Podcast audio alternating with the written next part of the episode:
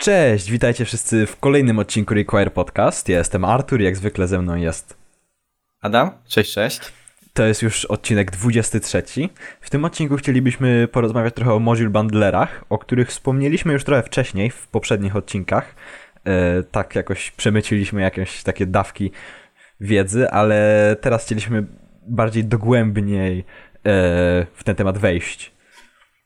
Chcielibyśmy się przyjrzeć tym, jaki jest główny cel module bundlerów, bo zawsze tak to lekko pomijaliśmy. Dzisiaj powiemy wam o tym, co module bundlery są aktualnie w stanie dla nas zrobić, bo rozwijały się przez zeszłe lata i to nie jest tak, że było to jak powiedzmy 3 lata temu. E, I chcemy dla was porównać i te najpopularniejsze module bundlery, taką trójkę, i przedstawię wam też trochę takich ciekawych e, wyborów, które się pojawiły gdzieś tam na przestrzeni ostatniego roku, dwóch które moim zdaniem są bardzo fajnymi rzeczami i, i, jakby mają swoją przyszłość.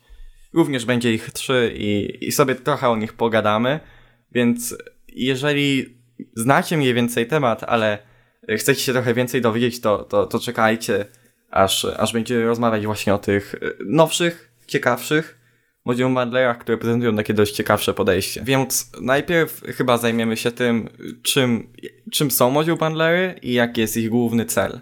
Głównym takim założeniem module bundlerów jest łączenie y, wszystkich naszych dependencji, y, bibliotek, z których korzystamy, wszystkich naszych y, różnych plików, na które rozdzielamy nasz kod, w taką jedną wielką taką kubkę kodu, który może nie będzie do końca aż tak łatwo czytelny dla nas, czyli deweloperów, ale będzie on o wiele mniejszy, o wiele y, łatwiejszy do y, jakby zinterpretowania przez przeglądarkę, czy jakieś inne środowisko, na przykład Node czy Deno i będzie generalnie łączył wszystko w taki, w taki jed, jeden prosty, bardzo zoptymalizowany plik, czy może kilka takich plików, ponieważ na przykład jak importujemy jakieś e, funkcje z, z jakichś e, bibliotek, to nie chcemy całych bibliotek od razu przecież ładować, żeby klient pobierał, tylko możemy na przykład jedną tą funkcję sobie e, tylko wyjąć i to jest takie jedno z właśnie z głównych założeń e, module bundlerów, żeby łączyć wszystkie nasze takie e, porozrzucane kody w taki, w taki jeden po prostu plik. Dokładnie, to jest jakby główne założenie. Tym jakby ten kod wyjściowy z module bundlera, czyli tak zwany bundle, e, będzie w pełni kompatybilny z przeglądarką, e, natomiast nasz kod może nie musieć być kompatybilny właśnie z, z kodem w przeglądarce, dzięki czemu jesteśmy w stanie bardziej dostosować e, sam wygląd kodu i samą jakby składnię oraz feature'y tam JavaScriptu, których użyjemy, gdyż module bundler zajmie się generalnie tym, by ten kod był później kompatybilny z, z różnymi przeglądarkami, tak? Z tym środowiskiem, które znajduje się w webie, przez właśnie wyeksportowanie tego jednego pliku, który, który po prostu zamieścimy w naszym pliku HTML, nie?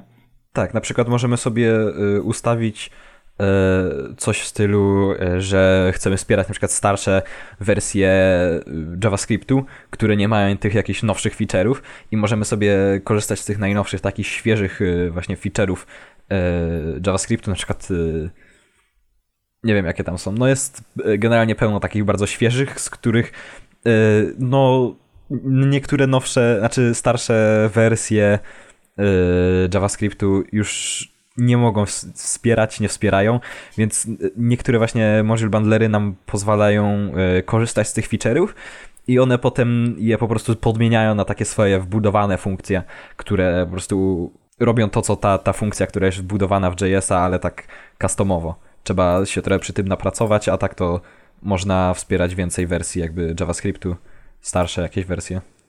Poza tym module bundlery są w stanie nie tylko bundlować kod JavaScriptowy, a możemy je również ustawić sobie w taki sposób, by na przykład ładowały nam mm, kod typu ładowały na przykład style w SCSS-ie, w SASie, yy, czy tam w lesie i stylusie, czyli właśnie ten kod yy, preprocesują i transpirują go do czystego CSS-a, tak? My nie musimy ustawić żadnych zewnętrznych narzędzi, tylko ustawimy sobie tego module bundlera w taki sposób, by transpilował nam ten cały kod w takich zewnętrznych, powiedzmy, językach, które nie są wspierane przez przeglądarkę, na właśnie kod kompatybilny z przeglądarką. Yy, właśnie tutaj ten przykład styli, tak? Jesteśmy w stanie sobie transpilować yy, Sasa, yy, albo na przykład możemy sobie dołączyć do naszego builda post CSS-a, no i wtedy, gdy zaimportujemy sobie, powiedzmy, ten plik CSS czy tam SCSS w, w naszym pliku JS, no to module bundler to zobaczy, przetranspiluje ten plik i doda go do bundla, y, może albo nam dać na przykład bundle CSS-owy, łączący wszystkie style CSS, albo może skorzystać z jakiegoś rozwiązania CSS in JS i dołączyć tego CSS-a do jakby naszego JavaScriptu. W zależności od tego, jak to sobie ustawimy. Poza tym Module Bundler jest w stanie nam budować również y, template'y. Powiedzmy mamy takie coś jak Pag, czy EJS, albo Handlebars. Y, I to są narzędzia, które pozwalają nam pisać sobie HTML-a w nieco przyjaźniejszy dla dewelopera sposób. Jesteśmy na przykład sobie w stanie tworzyć tam jakieś zmienne, y, dają nam ciekawszą składnię. Mm, możemy sobie na przykład do tych template'ów podawać jakieś różne wartości, dodatkowo z zewnątrz przez, przez JS-a. No i właśnie module bundlery y, pozwolą nam na, na, możliwość łatwego załadowania sobie tego kodu z template engine'u e, przez właśnie JS-a. No i module bundler sam zauważy, że on jest zaimportowany i przetranspiruje nam ten kod na, na HTML-a do, i dołoży go do jakby tej wyjściowej, tam powiedzmy, do tego wyjściowego builda. Nie?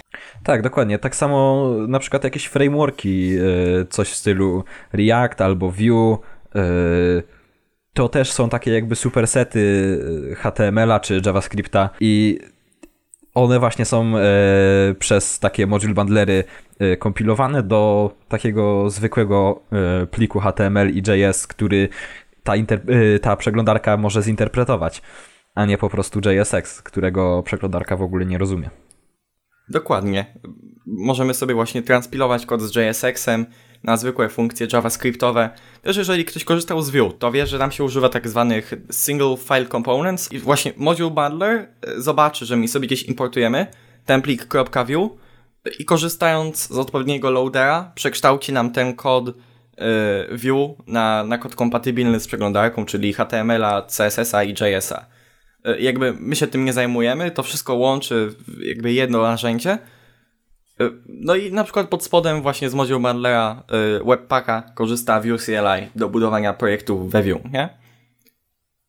Mhm, podobnie z y, jakimiś językami, które też są tak jak w przypadku frameworków, takimi supersetami, nadzbiorami JS-a, na przykład TypeScript czy CoffeeScript, one też rozszerzają funkcjonalność JS-a, ale takie na przykład przeglądarki czy, czy zwykły Node nie rozumieją jakby składni TypeScripta, więc musi to, ten kod być jakby prze, się przemielić przez taki właśnie module bundler yy, i być spakowany do takiego normalnego JS-owego kodu, który te środowiska zrozumieją i zinterpretują. Dokładnie. To jest jakby najprostszy sposób załączenia TypeScripta do naszego projektu, nie? Po prostu mhm. skorzystanie z module bundlera i wtedy jakby możemy sobie to wrzucić wszystko w jedno. Mm, do tego możemy sobie na przykład ładować obrazki i kompresować obrazki w dość ciekawy sposób. Również module bundlery pozwalają nam na zrobienie czegoś takiego. Powiedzmy, że trzymamy sobie SVG w pliku SVG, no to module bundlerem możemy sobie y, te pliki SVG załadować jako stringa, jako powiedzmy element w JSX-ie, jeżeli korzystamy z Reacta. Cokolwiek takiego, wiadomo, y, wszystko zależy od naszego, od naszego jakby ustawie, od ustawienia nie? Tego, tego module bundlera. Też zwykłe obrazki możemy sobie ładować i przy okazji je w jakiś sposób e, kompresować czy optymalizować.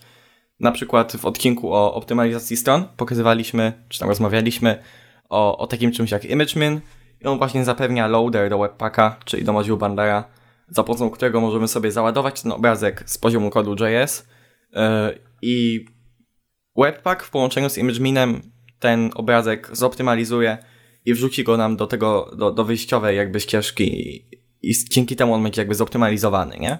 I tak jak jeszcze wcześniej wspominaliśmy, można też y, jakby zmniejszyć ogólny, ogólny jakby produkt końcowy naszego kodu y, poprzez wykorzystywanie takich właśnie jakby to nazwać takich feature'ów. feature'ów, takiego założenia, filozofii E, tak zwanego tree shakingu, czyli po prostu e, wybieranie tych części kodu, które sobie na przykład importujemy, czy, czy jakichś e, właśnie funkcji z, z jakichś bibliotek, które używamy w naszym kodzie i dodawanie ich do tej ty, tylko i wyłącznie tych funkcji do, do jakby finalnego produktu samego w sobie pliku, przez co tak jak już mówiłem, no nie trzeba na przykład y, przeglądarka nie musi pobierać całego pliku, yy, żeby skorzystać z jednej funkcji, tylko może tą sobie funkcję jakby wyodrębnić i, i z jej korzystać normalnie bez potrzeby całej, jakby pobierania całego frameworku. Dokładnie. To jest jakby taka też dość duża zaleta, nie? Że jesteśmy w stanie jakby nie importować takiego powiedzmy jQuery y, czy, czy Loadasha, y, tylko korzystamy sobie powiedzmy naszym kodzie z jednej funkcji z Loadasha, nie? To, to wtedy po prostu Webpack czy tam inny module bundler wybierze nam tylko tą daną funkcję z, te, z tej całej lipki i, i tylko ona y, trafi do, do końcowego bundla, co znacząco oczywiście zmniejszy jego rozmiar, nie? Mhm. To się nazywa tree shaking, no bo wiadomo jak y, drzewem po drzew, drzewo uderzymy, czy, czy, czy nim potrząśniemy, to spadną tam jabłka, czy, czy tylko po niektóre liście, które chcemy, nie? Spadną tylko te jabłka, które Dokładnie. są do zjedzenia. Właśnie, więc yy, podobnie też to zadziała tutaj w tym przypadku y, jak takie drzewo rozgałęzi się w te wszystkie funkcje, bo na przykład ta funkcja, z której korzystamy, y, może wykorzystywać kilka innych podfunkcji, y, które są wbudowane jakby w, w tą bibliotekę, więc on jakby wszystkie te sobie funkcje złapie i do jednego spakuje i będzie to po prostu yy, wszystko działać osobno. Myślę, że takie podstawowe założenia e, już moduł bundlerów e, zaprezentowaliśmy i ich zalety, więc możemy przejść sobie do, do tego, co jest najciekawsze, czyli do po prostu popularnych moduł bundlerów, z których się korzysta i, i jakby sobie możemy je trochę porównać, trochę po, o nich pogadać. Oczywiście takim standardem, moim zdaniem, nie wiem czy słusznie, ale chyba dlatego, że, że on się pojawił jako pierwszy, jest oczywiście Webpack, o którym przypadkiem już kilka razy teraz wspomniałem. Mm, Webpack jest naj taki, pojawił się jako jeden w ogóle z pierwszych moduł bundlerów i od razu jakby zgarnął sobie e, zwolenników. Między innymi dlatego, że jest bardzo zaawansowany e, i ma bardzo dużo opcji konfiguracji i, i może na przykład, i może robić nam naprawdę dużo rzeczy, Dodatkowo jest dość taki, jeżeli coś budujemy naszego, e, nie będącego taką zwykłą stronką, tylko powiedzmy, tylko powiedzmy jakąś biblioteką, to Webpack jest w stanie się bardzo dobrze z tym zintegrować i możemy sobie go bardzo fajnie wywoływać tam z poziomu naszej biblioteki, więc on się tak ukształtował jako taki główny y, module bundler. Tak jak powiedziałem, jest najbardziej zaawansowany, ale też jest najtrudniejszy do, do nauki, nie? Y, jakby mm. wiele osób, powiedzmy, początkujących przychodzi tak e, i, i stwierdza, że dobra, zrobię sobie config webpacka, co jest moim zdaniem trochę bez sensu, bo, bo jakby, bo jakby to jest zbyt zaawansowane, nie? I można się łatwo zniechęcić, to jest po pierwsze, a po drugie, no nikt nie pisze od zera konfigu webpacka, bo zawsze on tam gdzieś jest zamieszczony w środku, więc uczenie się tego, e, by umieć jako taki powiedzmy junior, czy, czy początkujący, no to to jest takie trochę bez sensu, nie? Jakby masz łatwiejsze narzędzie do, do zrobienia tego, o których wspomnimy zaraz, nie? Mhm. On generalnie jest y, właśnie chyba takim najpopularniejszym, bo jest używany w wielu takich dużych projektach. Y, więc jakby jak bootstrapujecie sobie jakiś projekt Gatsby, to y, ten cały JSX, to, ta cała stronka, którą piszecie, to ona jest jakby pod spodem transpilowana przez właśnie webpacka do, do tego głównego końcowego bundla, tak. E, Webpack ma fajne wsparcie dla chunkowania kodu, czyli dzielenia go na mniejsze części. To znaczy zamiast jednego końcowego pliku jest w stanie nam umieścić, e, stworzyć kilka końcowych plików, które będą ładowane sobie asynchronicznie. Czyli na początku zostanie załadowany tylko ten fragment kodu, który będzie nam potrzebny najbardziej. Jest takie wsparcie trochę dla optymalizacji i Webpack to bardzo fajnie ogarnia. E, w developmencie jest dość spoko, bo ma fajne wsparcie dla hot module reloadingu, czyli zapisujemy plik, no i on jest w stanie nam szybko podmienić ten, ten moduł e, w, w samej przeglądarce, w naszym podglądzie. Mm, no jakby jest taki wypośrodkowany, nie? Nie jest jakiś specjalnie szybki, e, ale jest po prostu taką kobyłą, która po prostu daje nam bardzo dużo opcji. Tak, kolejnym takim bardzo popularnym e, module bundlerem, który jest o wiele chyba prostszy od, od Webpacka, mi się zdaje. Bardzo prosty. Jest Parcel. E, jest super prosty generalnie do jakby używania tak out of the box. Wystarczy po prostu e, zrobić Parcel Watch, komendę i tyle. No nie, można chyba bodajże go konfigurować, ale nie trzeba za bardzo nic out of the box konfigurować. Dokładnie. Jakby Parcel jest taką rzeczą, która, którą ja bym zawsze zalecał początkującym, e, bo, develop, bo jakby od strony dewelopera wygląda to tak, że sobie tworzymy plik index.html e, zamiast tego głównego jakby pliku JS, no i w tym pliku index.html możemy sobie dołączać zupełnie cokolwiek, nie? Możemy zrobić sobie, sobie zrobić skrypt src, e, plik jakiś tam w TypeScriptie, który do tego będzie miał JSX-a w środku, możemy sobie dać, nie wiem, linkrel style sheet i załączyć tam plik SCSS, stylus, less, cokolwiek. Parcel, wbrew pozorom jakby tego jego, tej jego prostoty, takiego braku konfiguracji, jest najlepszy w odchudzaniu kodu ze wszystkich w ogóle moduł bundlerów, które potem powiemy. Bundle z Parcela chodzą super lekkie i to jest takie dość fajne.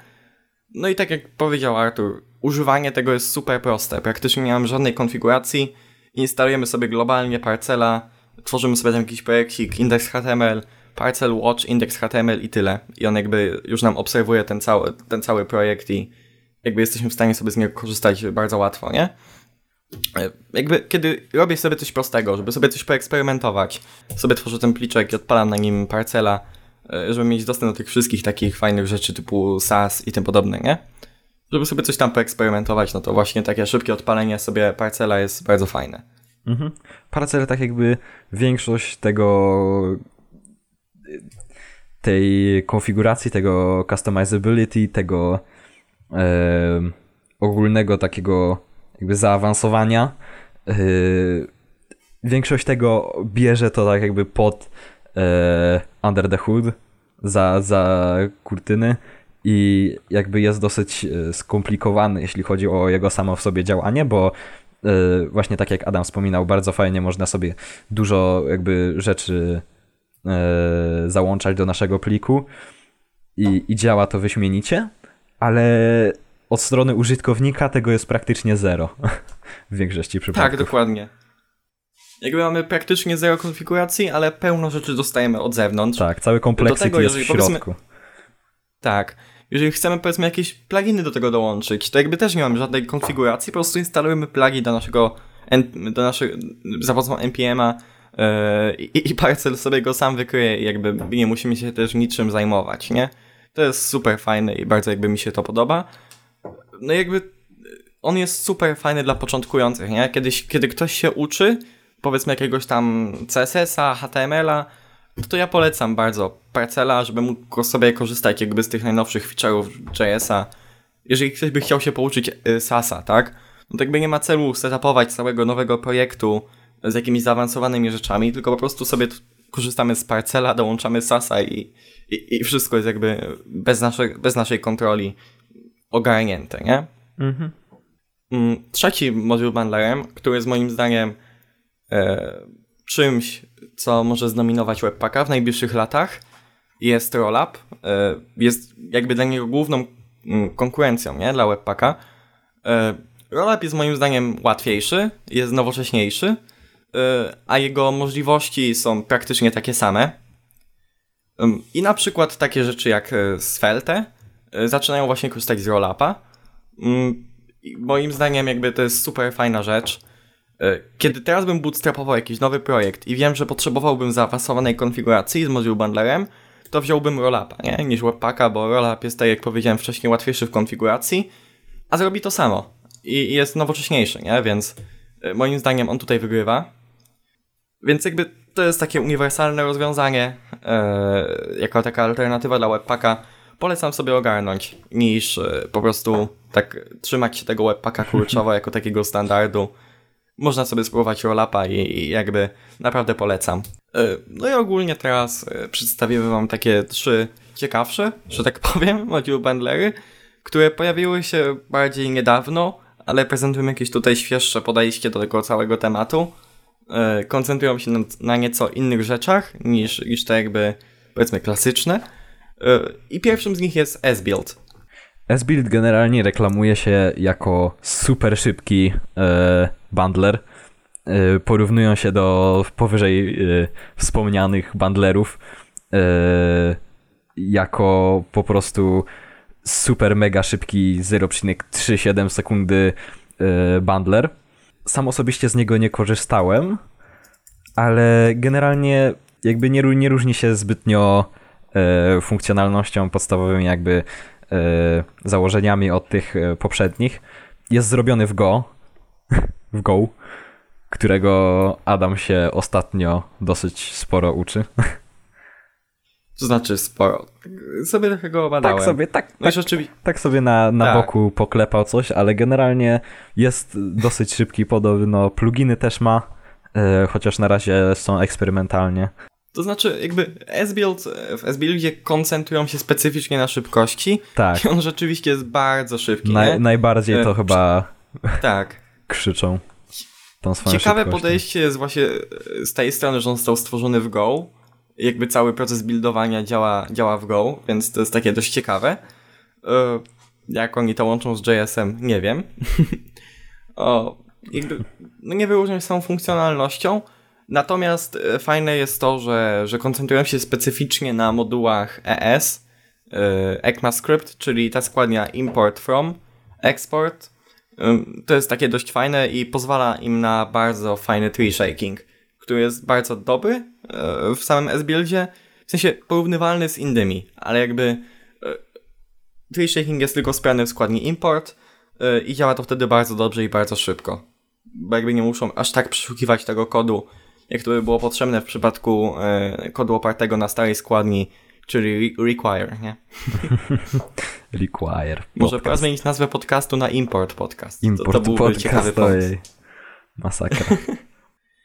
Ale no, polecamy sobie obadać tego S-Builda i, e, i zobaczyć o co chodzi, nie? On jest dość świeży, ale jakby spójrzcie sobie na niego, bo, bo, bo zapowiada się ciekawie.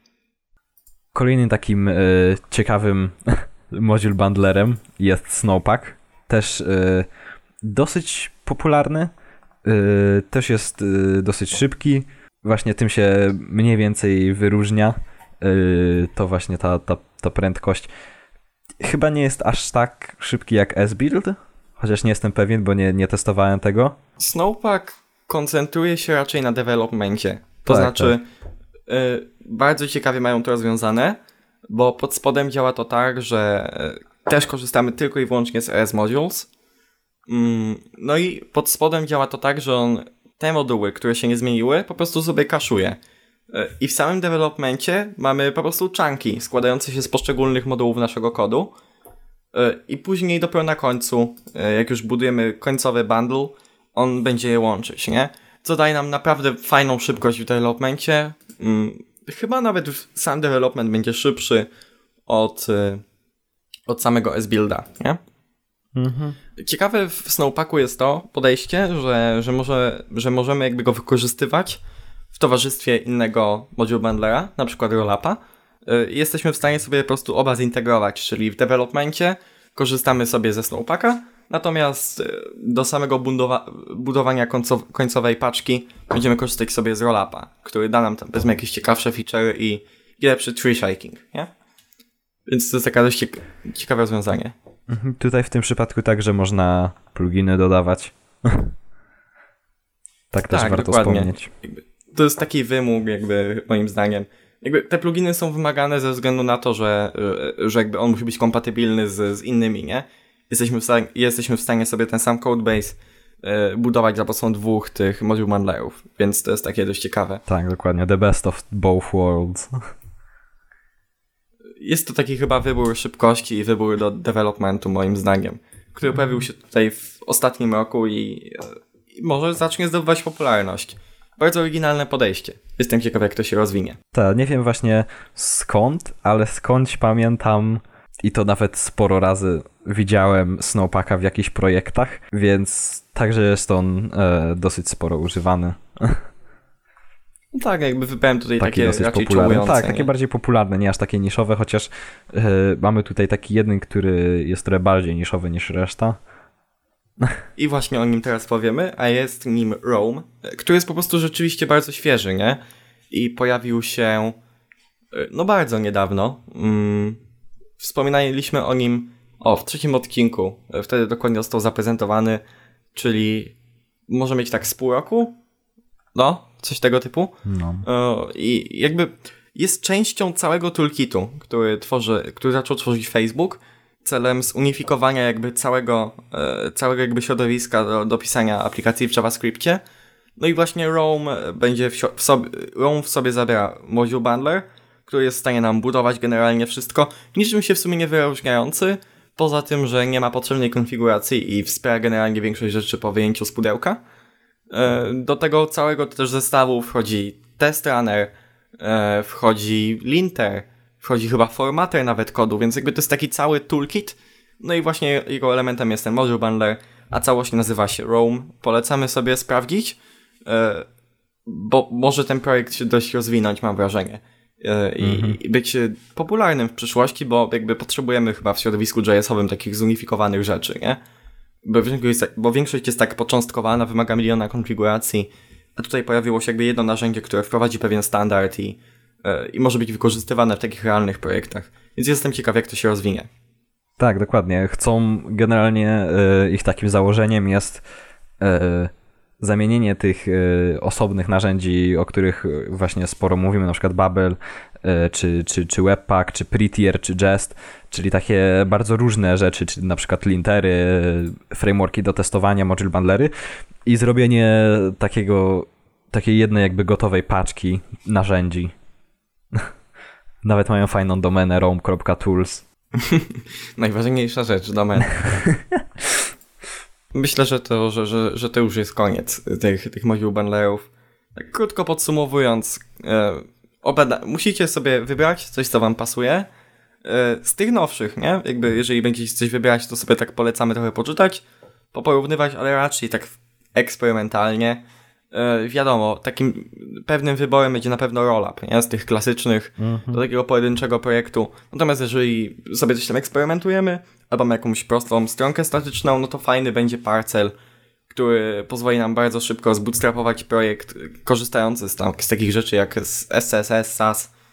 Polecamy polecać e, parcela osobom początkującym, które często wpadają w jakieś tam różne narzędzia dziwne, e, a tutaj po prostu dostaną bardzo proste narzędzie, którego praktycznie nie trzeba się uczyć i jakby daje cały taki zestaw funkcjonalności.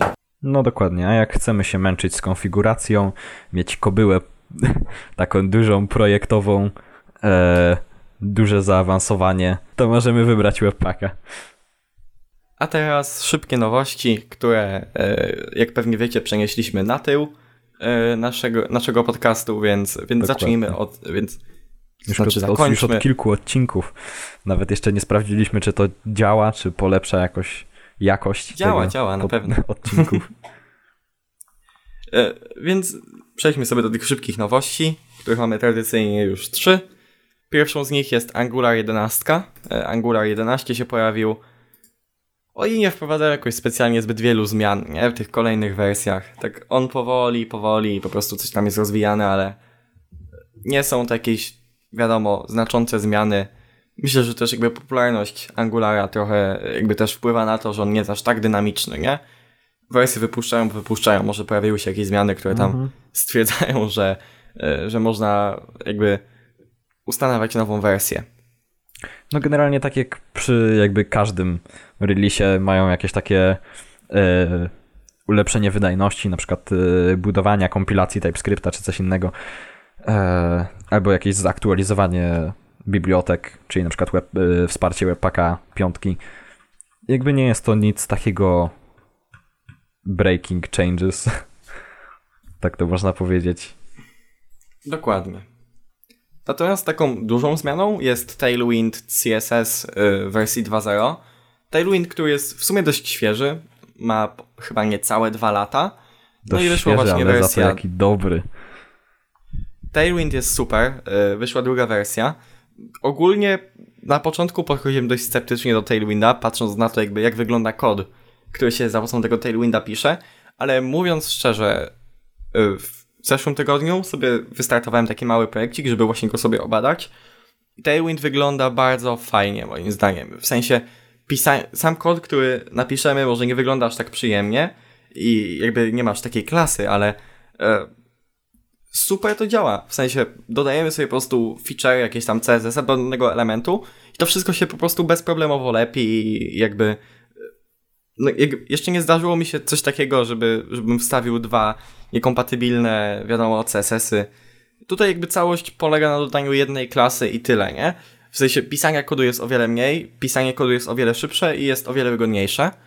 E, I, i moim zdaniem Tailwind CSS będzie miał przyszłość i, i będę go używał w moich przyszłych projektach pewnie. Natomiast pojawiła się wersja 2.0, e, która wprowadziła nową paletę kolorów, która dodała wsparcie dla Dark Mode'a, ciemnego trybu, oraz pojawił się nowy Breakpoint 2XL.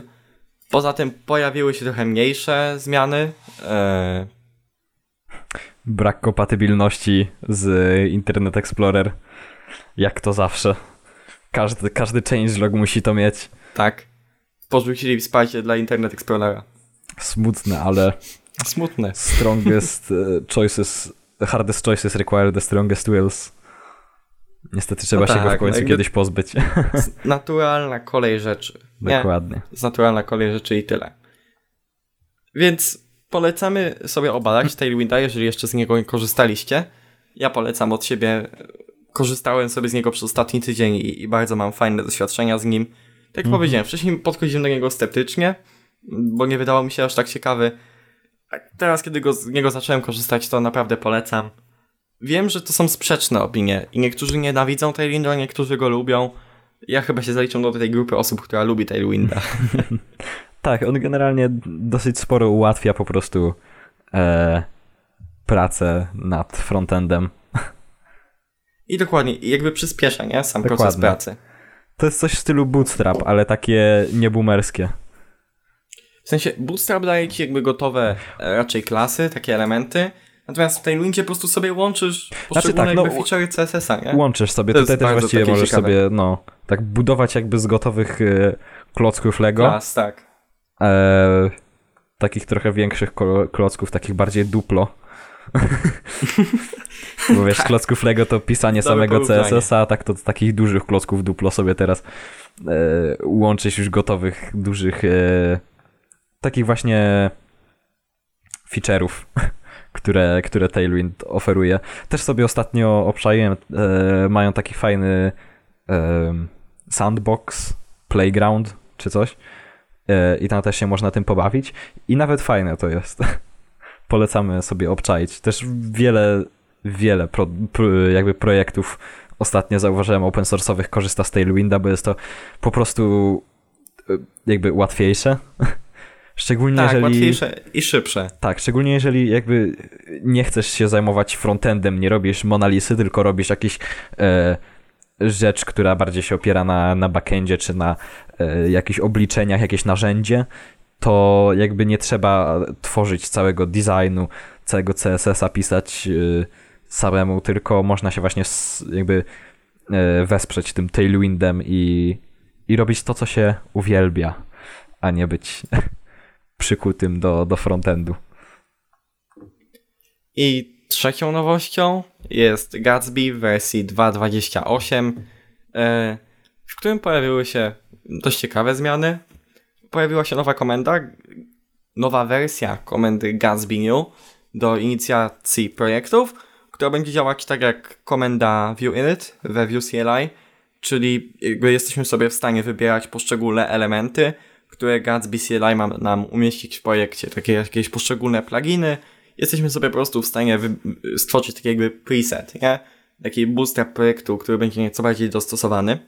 Tak, i teraz ta komenda y, do tworzenia nowych projektów Gatsby jest już jakby wbudowana do Node.jsa, do NPM-a, wystarczy zrobić sobie npm init.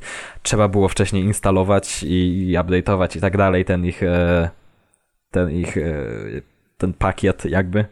A teraz można to zrobić sobie tak fajnie on the fly, jak większość już projektów, e, na przykład przy, które korzystają z NPX-a. Dokładnie. Dalej mamy takie coś jak flags wewnątrz Gatsby config, które pozwalają nam w nie, w jakby nie korzystać z envariables, z, ze, zmien, ze zmiennych środowiskowych, tylko jesteśmy sobie w stanie w pliku Gatsby config umieścić takie tymczasowe jakby flagi, tak, e, w, które będą trafiały jako informacja do, do builda, e, do naszej strony. Jesteśmy sobie w stanie tam po sobie zmieniać jakieś poszczególne ustawienia. Typu na przykład sobie umieszczamy flagę, e, która informuje stronę o tym, że jest aktualnie w jakimś trybie developmentu. e, umieszczamy sobie to w, w, w Gatsby config i jakby to trafia do, do samej strony. Tak jakby szybkie przekazania danych, nie? Takie bardzo prosta po prostu komunikacja e, za pomocą Gatsby config z, z wnętrzem jakby strony. Mhm. Oczywiście, jak w każdym release, jak to już wspomniałem, mają e, usprawnienie wydajności, w tym przypadku hot reload e, i fast refresh, no. No jest to, jest to rzecz, która jakby pomaga trochę, jeśli chodzi o development. I to są takie chyba e, zmiany, które się pojawiły w tym release'ie. Jakby nie ma żadnych innych znaczących. Co prawda poinformowali o tym, że, że zaczynają jakby tworzyć inne rzeczy, takie jak na przykład e, nowy Gatsby Image, ale to jakby dopiero informują, że to jest w developmencie, nie? Jakby to nie weszło jeszcze do samego release'u. Ale czekamy, może się podniosą. Teraz tak wiadomo, muszą trochę, trochę się postarać, bo, bo trochę ich next zmiótł. No. No nie wiem. Może w następnym odcinku porozmawiamy właśnie, e, może z gościem, o, o właśnie tym, co się zmieniło e, w całym tym świecie frontendowym w zeszłym roku. Więc e, zapraszamy bardzo już od razu zmienia. z góry Bardzo szybko. na następny idzie. odcinek i, i sobie tak omówimy trochę to, co się wydarzyło w tym roku 2020 i Dokładnie, już mamy kolejnych gości zaplanowanych. nie będziemy wam spoilerować kto. Możecie jedynie się domyślać. I cóż, e, myślę, że to już będzie koniec tego odcinka. Dziękujemy wam za przesłuchanie. E, Z góry już, tak jak powiedzieliśmy, zapraszamy was na przyszłe odcinki. Zapraszamy was również do naszego Discorda, na którym możecie sobie trochę z nami e, poczatować. Jeżeli ktoś ma jakieś pytania, to, to oczywiście wbijać. Jeżeli macie jakieś pomysły na odcinki, to, to możecie do nas napisać. Dokładnie. My jesteśmy otwarci na pomysły i, i zawsze coś tam wam odpowiemy. Generalnie jesteśmy otwarci na wiadomości i zawsze coś tam odpisujemy, nie? Jakby nie olewamy widzów. Zapraszamy też na naszą stronę. Tam mamy wszystkie linki, właśnie między innymi do tego odcinka także. E, I no. Dziękujemy wam za przesłuchanie. E, Cześć. Cześć.